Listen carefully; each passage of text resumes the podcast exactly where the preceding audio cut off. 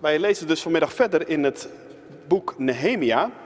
En er is een tweede schriftlezing uit Matthäus 6. En die heb ik als de volgende reden gekozen. In Nehemia gaat het over het uh, Loofhuttenfeest. Dat is een feest dat ons wat minder scherp voor de geest staat. Daarom daar ook zeker meer over vanmiddag. En het Loofhuttenfeest is eigenlijk een oefening in een houding van afhankelijkheid en onbezorgdheid.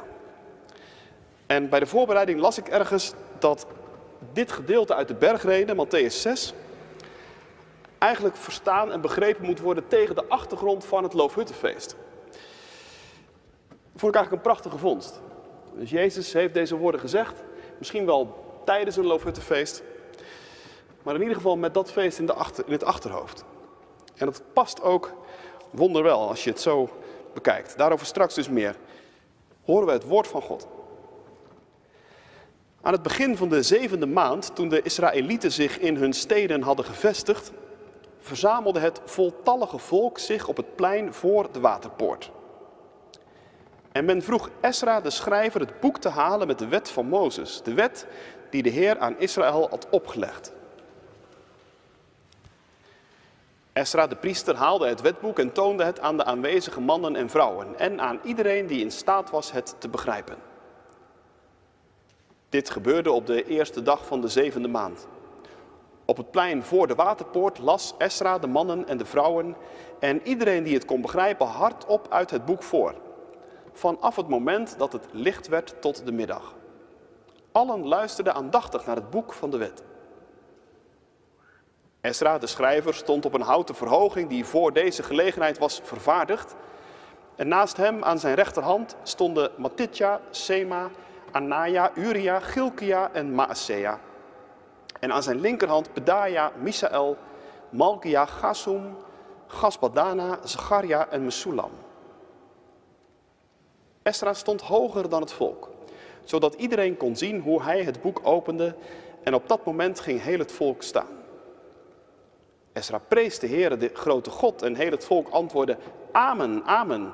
En ze hieven hun handen op, knielden neer en bogen diep voor de Heer.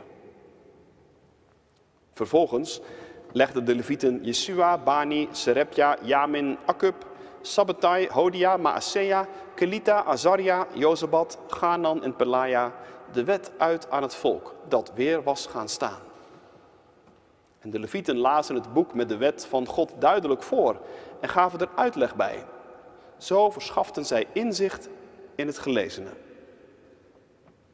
Nehemia, hij was de landvoogd, en Esra, de priester en de schrijver, en de levieten die het volk uitleg gaven, zeiden tegen iedereen, deze dag is gewijd aan de Heere uw God. Rouw dus niet en huil niet. Het hele volk was namelijk in tranen uitgebarsten toen het de woorden van de wet hoorde.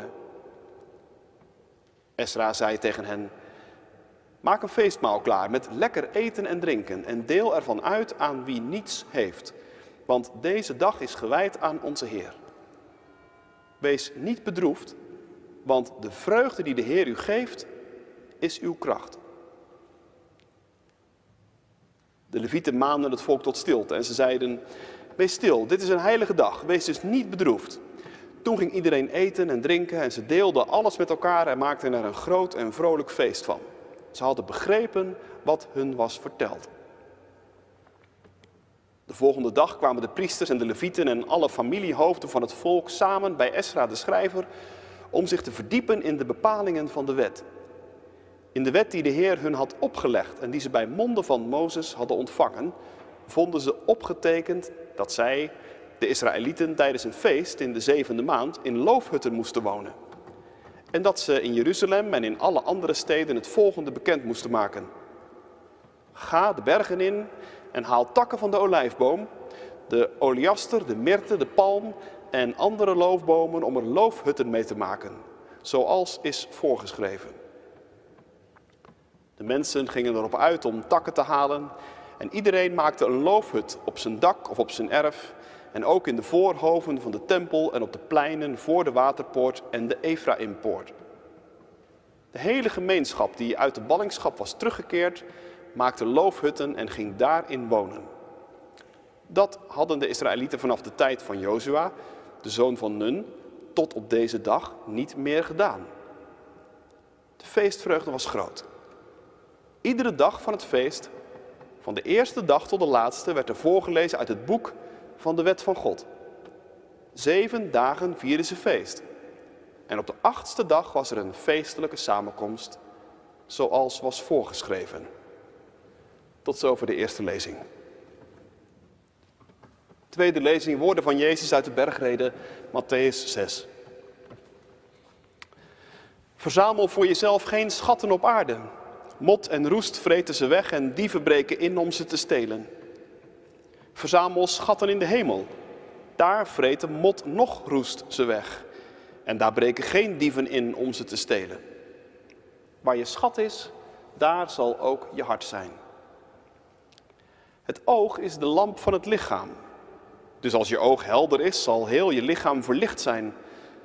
Maar als je oog troebel is, zal er in heel je lichaam duisternis zijn. Als het licht in jezelf verduisterd is, hoe groot is dan die duisternis? Niemand kan twee heren dienen. Hij zal de eerste haten en de tweede liefhebben, of hij zal juist toegewijd zijn aan de ene en de andere verachten. Jullie kunnen niet God dienen en de mammon. Daarom zeg ik jullie, maak je geen zorgen over jezelf en over wat je zult eten of drinken, nog over je lichaam en over wat je zult aantrekken. Want is het leven niet meer dan voedsel en het lichaam niet meer dan kleding? Kijk naar de vogels in de lucht. Ze zaaien niet en oogsten niet en vullen geen voorraadschuren. Het is jullie hemelse vader die ze voedt. Zijn jullie niet meer waard dan zij? Wie van jullie kan door zich zorgen te maken ook maar één L aan zijn levensduur toevoegen? En wat maken jullie je zorgen over kleding? Kijk eens naar de lelies. Kijk hoe ze groeien in het veld. Ze werken niet en weven niet.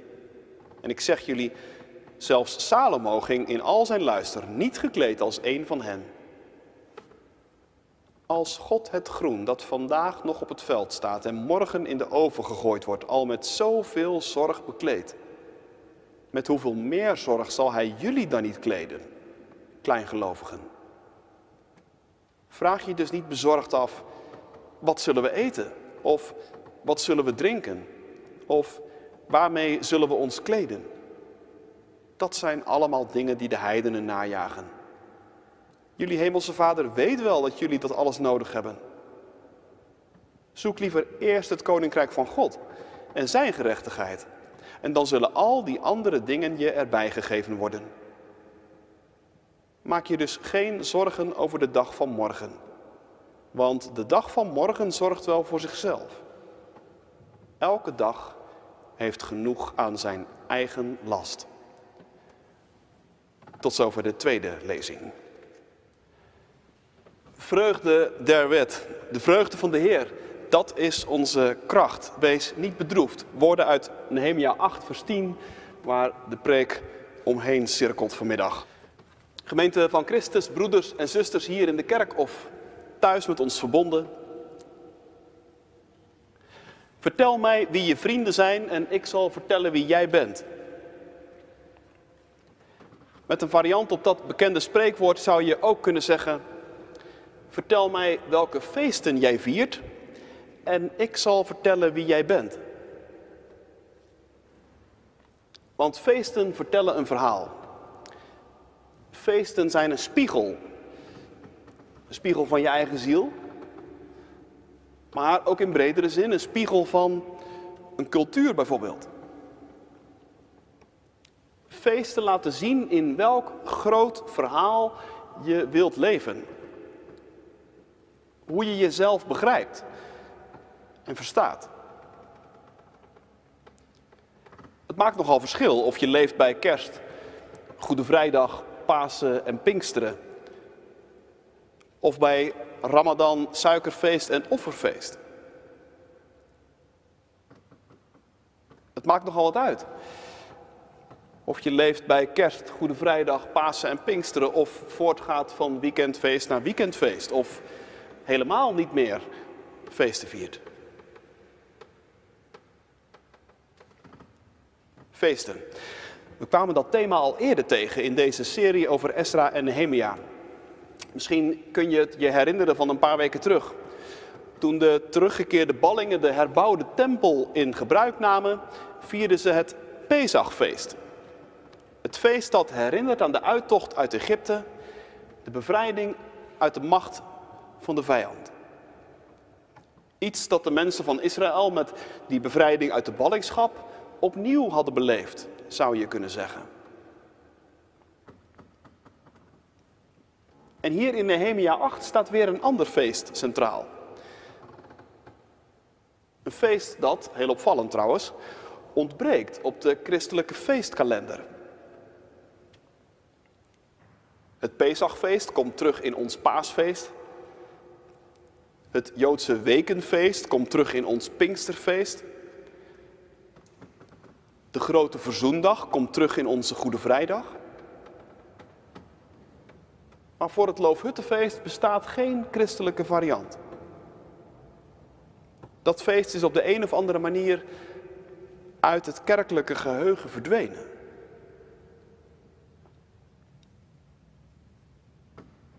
Nou ja, zeg je misschien, maar moet dat dan? Moet er van elk Joods feest een christelijke evenknie bestaan? Op zich niet natuurlijk, maar als enige antwoord vind ik dat toch een beetje onbevredigend. Veel spannender is het om je af te vragen hoe het zou kunnen komen dat in de christelijke traditie precies dat Loofhuttenfeest in onbruik is geraakt. En wat dat betekent. En of we daarmee misschien iets zijn kwijtgeraakt. Ik kom daar zo nog op terug. Maar eerst even dat Loofhuttenfeest zelf. Wat is dat eigenlijk voor een feest en waarom wordt dat gevierd? Opvallend genoeg is dat blijkbaar voor Israël zelf ook niet altijd even duidelijk geweest.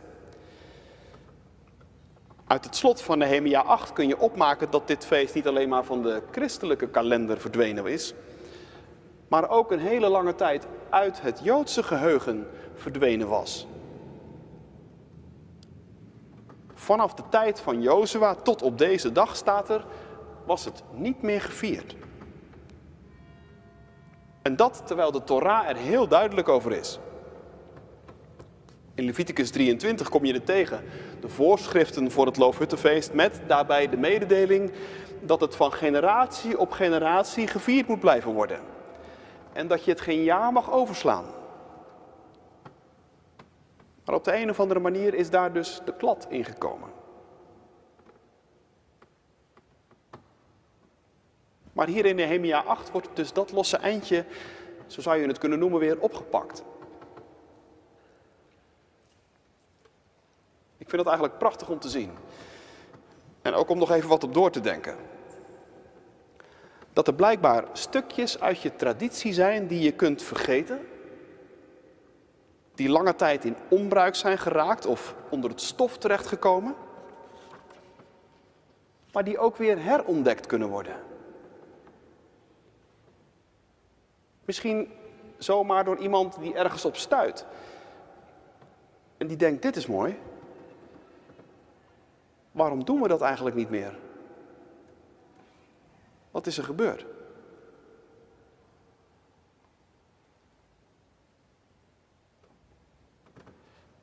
Een eigen tijds voorbeeld daarvan las ik deze week in Trouw. Ik schreef er ook al wat over in de nieuwsbrief. Er stond een interview met Tish Warren. Dat is een Amerikaanse predikante die in haar leven ook iets opnieuw ontdekte. Het getijdengebed. En dan met name de completen, het gebed voor de late avond. En opvallend, ze ontdekte dat in een tijd die voor haar heel ingewikkeld en complex was. Een verhuizing, de dood van haar vader, twee miskramen en dat allemaal in één jaar. Dat riep grote vragen op. En hoewel ze zelf predikant is en vaak genoeg anderen had bijgestaan op dergelijke momenten, bracht dit alles bij elkaar haar in een crisis. Antwoorden op de vragen die ze vroeger uit boekjes had geleerd, kwamen ineens vreemd en onwaarachtig over. en bidden in haar eentje, met eigen woorden. Het lukte niet meer. Vooral de nachten waren moeilijk en lang. Misschien herken je daar iets van. Slapen deed ze slecht. Nachtelijk Netflixen bracht geen bevrediging.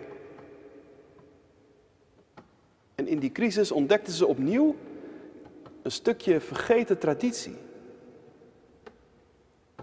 De completen, het nachtgebed. Waarom raakte je nou dat ineens zo? vroeg de interviewer. En dan zegt ze, die nachtgebeden, die erkennen de menselijke kwetsbaarheid. Die geven woorden aan onze dood en sterfelijkheid. Het gaat er in die gebeden over dat het leven soms donker is en dat mensen sterven. Die ruimte voor dubbelzinnigheid en voor het geheimenis, het mysterie. En tegelijk weten dat God daarbij is, dat had ik nodig. En dat zit in die gebeden.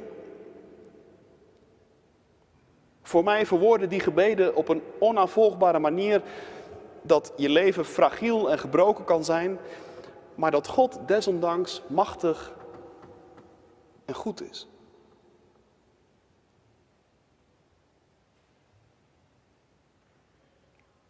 Ik dacht, misschien hoort dat wel bij elkaar.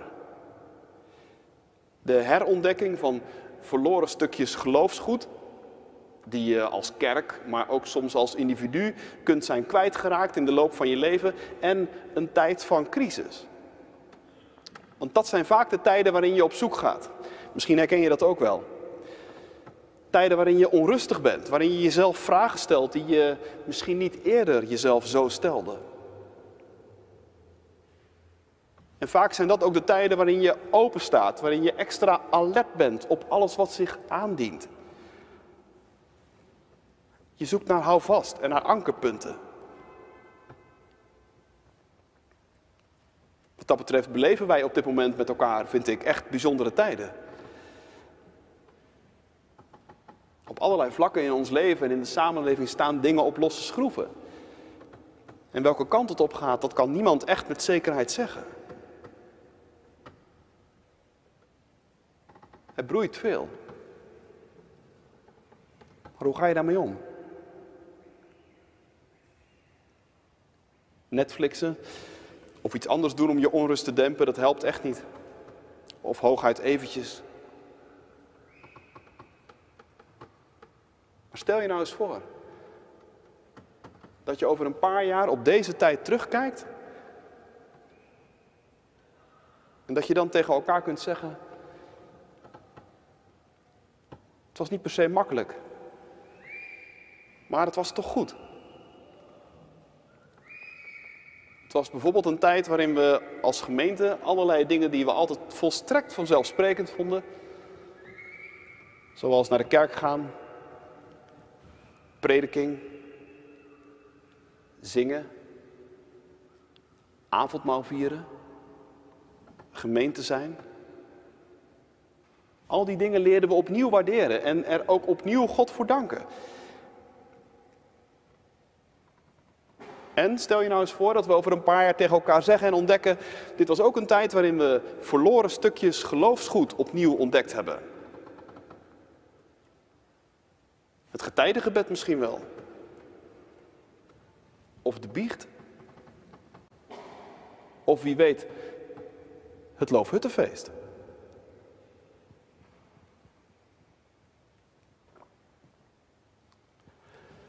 Terug naar Nehemia 8. Dat Israël hier die losse draad weer oppakt, dat heeft alles te maken met Esra. Esra, de schriftgeleerde, hij houdt op de eerste dag van de zevende maand een soort van openluchtdienst. En die zevende maand, moet je weten, dat is op de Joodse kalender eigenlijk de belangrijkste feestmaand. Daar vallen alle grote najaarsfeesten in. Rosh Hashanah, het Joodse nieuwjaar. Yom Kippur, de grote verzoendag. Sukkot, het Loofhuttenfeest.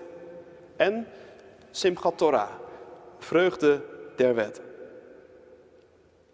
Al met al een maand dus die helemaal staat in het teken van feesten die iets te maken hebben met een nieuw begin. En met gedenken.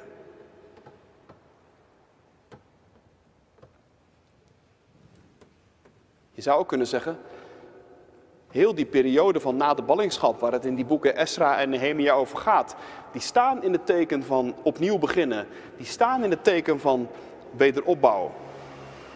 En dat is ook zo. We hebben al een paar keer gezien hoe er met man en macht gewerkt werd aan het herstel van de stad en van de tempel.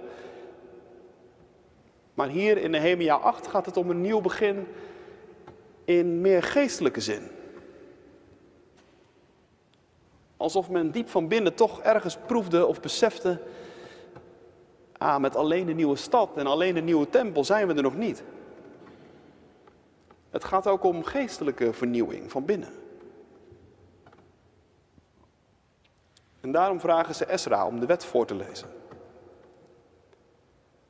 Ze gaan terug naar hun bronnen, naar de woorden van God.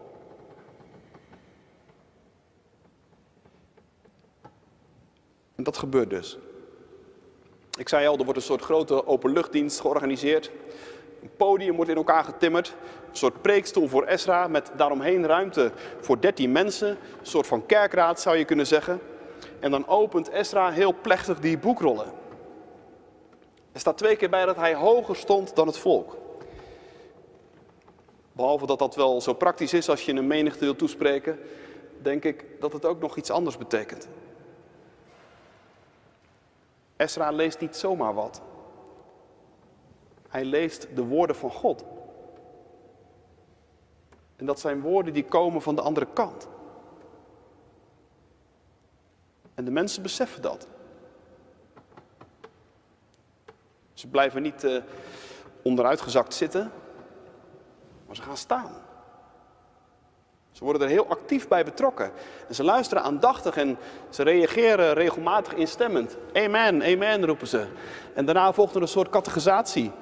Onder leiding van een aantal levieten wordt in groepen tekst en uitleg gegeven. En wordt er doorgepraat over wat er allemaal gehoord is. En dat blijkt wel nodig. Want de mensen zijn namelijk in huilen uitgebarsten bij het voorlezen door Ezra. Het horen van die woorden heeft een enorme impact op hen. Het slaat naar binnen. En huilen, huilen is in de Bijbel vaak een uiting van schuldbesef. Dat het je ineens raakt en dat je denkt, wow, wat is er gebeurd eigenlijk? Hoe ben ik hier terechtgekomen? Hoe zijn we met elkaar zo'n eind van het pad geraakt?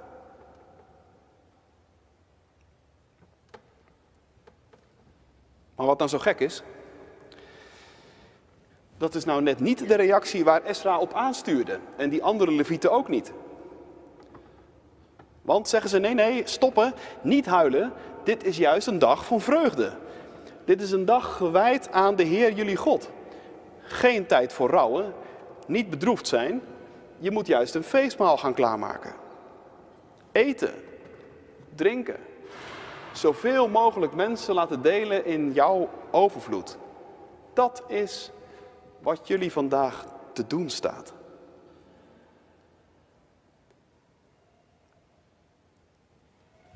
Ik vind dat echt weergaloos. Droefheid en schuldbesef die hebben zeker hun plek in het leven met God.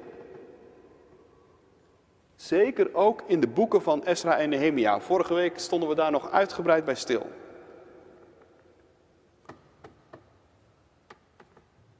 Maar er zijn ook momenten waarop God tegen je zegt: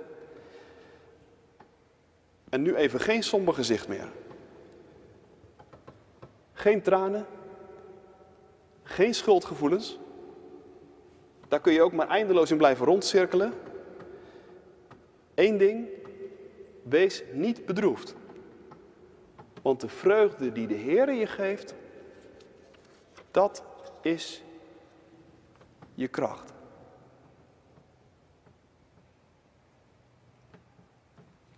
Ik vind dat een prachtig zinnetje. De vreugde die de Heer je geeft is je kracht. Daar gaat het dus uiteindelijk om. Niet zomaar om vreugde, maar om vreugde die de Heer je geeft als een geschenk. En die vreugde hangt dan ook niet aan wat jij voelt en vindt op moment X of moment Y, maar die heeft alles te maken met wat Hij heeft gedaan. De momenten waarop God ingreep in je leven. In de geschiedenis. De vreugde van de Heer heeft te maken met kerst.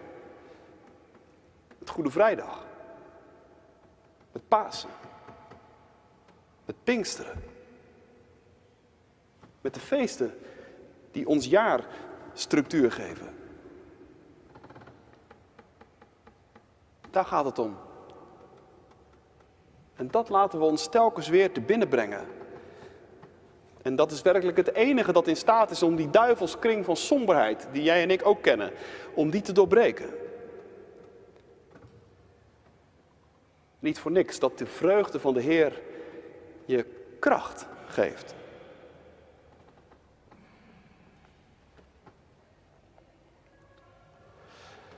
Goed. Die openluchtdienst die loopt dus uiteindelijk uit op het Loofhuttenfeest. En zoals ik aan het begin al zei, dat feest zijn we eigenlijk als christenen vergeten. En daarom is het goed om nog eens even wat nauwkeurig te kijken naar wat er rondom dat Loofhuttenfeest allemaal gebeurt.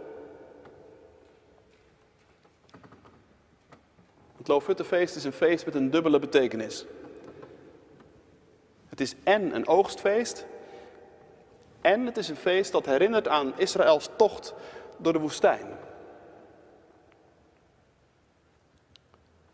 En de loofhut, dat is daar inderdaad het belangrijkste symbool van.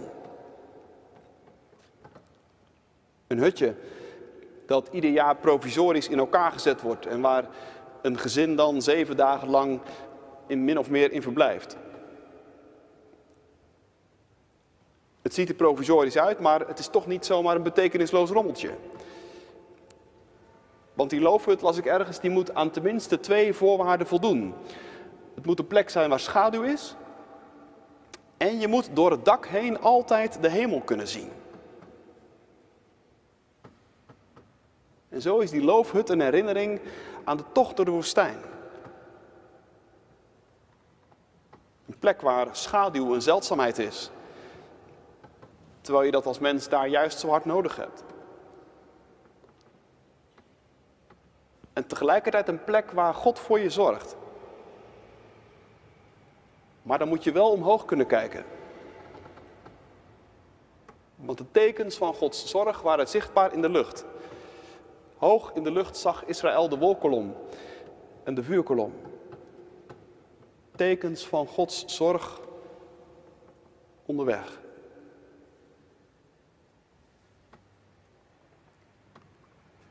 Zeven dagen lang per jaar leeft Israël dus in zo'n loofhut. Als herinnering aan de woestijntocht en als herinnering aan de oogst. En het verbindende thema is natuurlijk afhankelijkheid.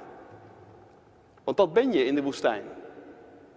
En dat ben je ook als het gaat rondom oogst, groei en bloei. Het heeft iets kinderlijks, zo'n hut.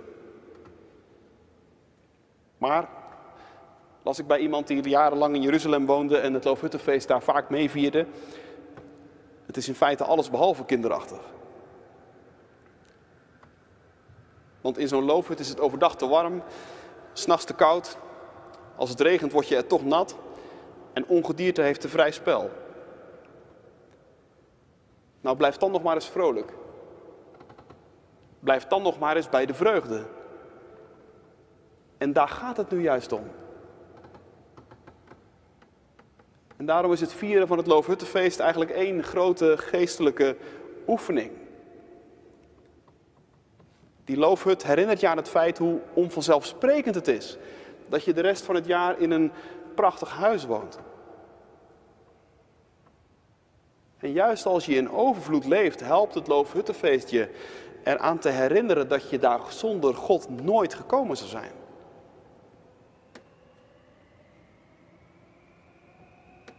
Zonder Gods bevrijdende ingrijpen was Israël nog steeds slaaf in Egypte geweest.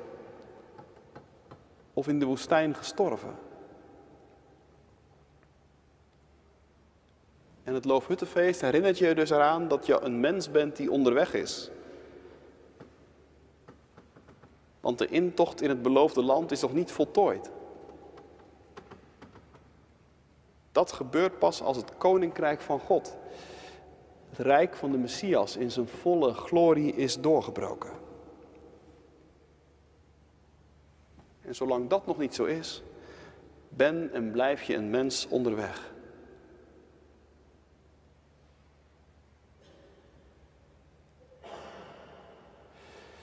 Nu, er zou over dit feest nog heel wat meer te zeggen zijn, maar voor vanmiddag laat ik het hierbij. Tot slot gaan we nog even terug naar de vraag van het begin. Hoe het komt dat dit feest ontbreekt op de christelijke feestkalender en of dat misschien ook iets van verlies zou kunnen betekenen. Die eerste vraag, hoe het komt, is niet zo makkelijk te beantwoorden natuurlijk. Ik las er wel iets over bij Geert Cohen Stewart. Ik weet niet of die naam iets jullie zegt, maar het is een emeritus predikant in onze kerk die jarenlang zich hiermee heeft beziggehouden en er een prachtig boek over schreef. Hij vraagt zich af of het verlies van het Loofhuttenfeest niet iets te maken heeft met zelfoverschatting. De kerk heeft veel geïnvesteerd in imponerende basilieken en kathedralen. We zitten er nu zelf in eentje. Maar zien we de schamele loofhut nog wel staan? Vraagt hij zich af.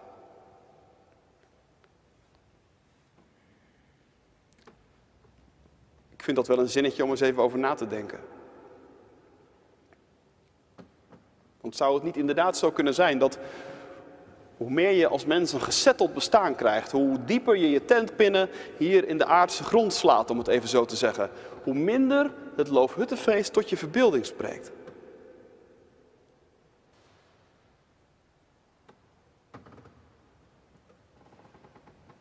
Dat brengt dan ook bij de tweede vraag.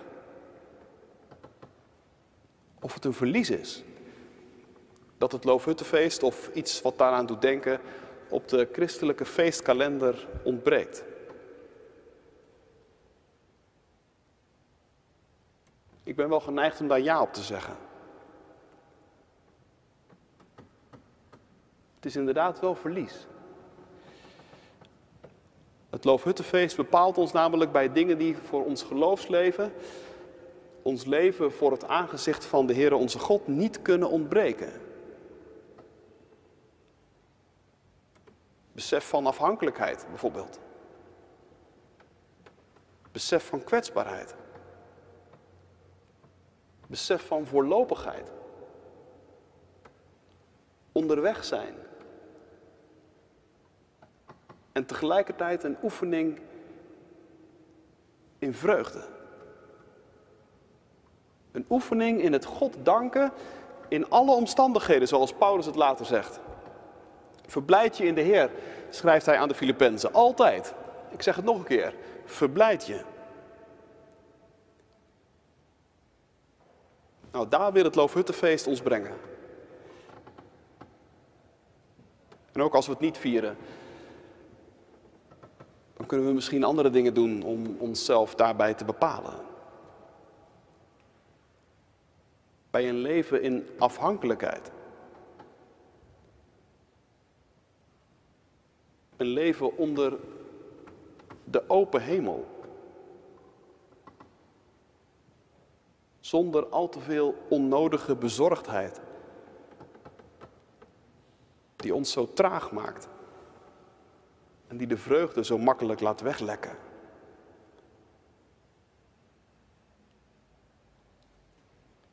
Maak je geen zorgen, zegt Jezus.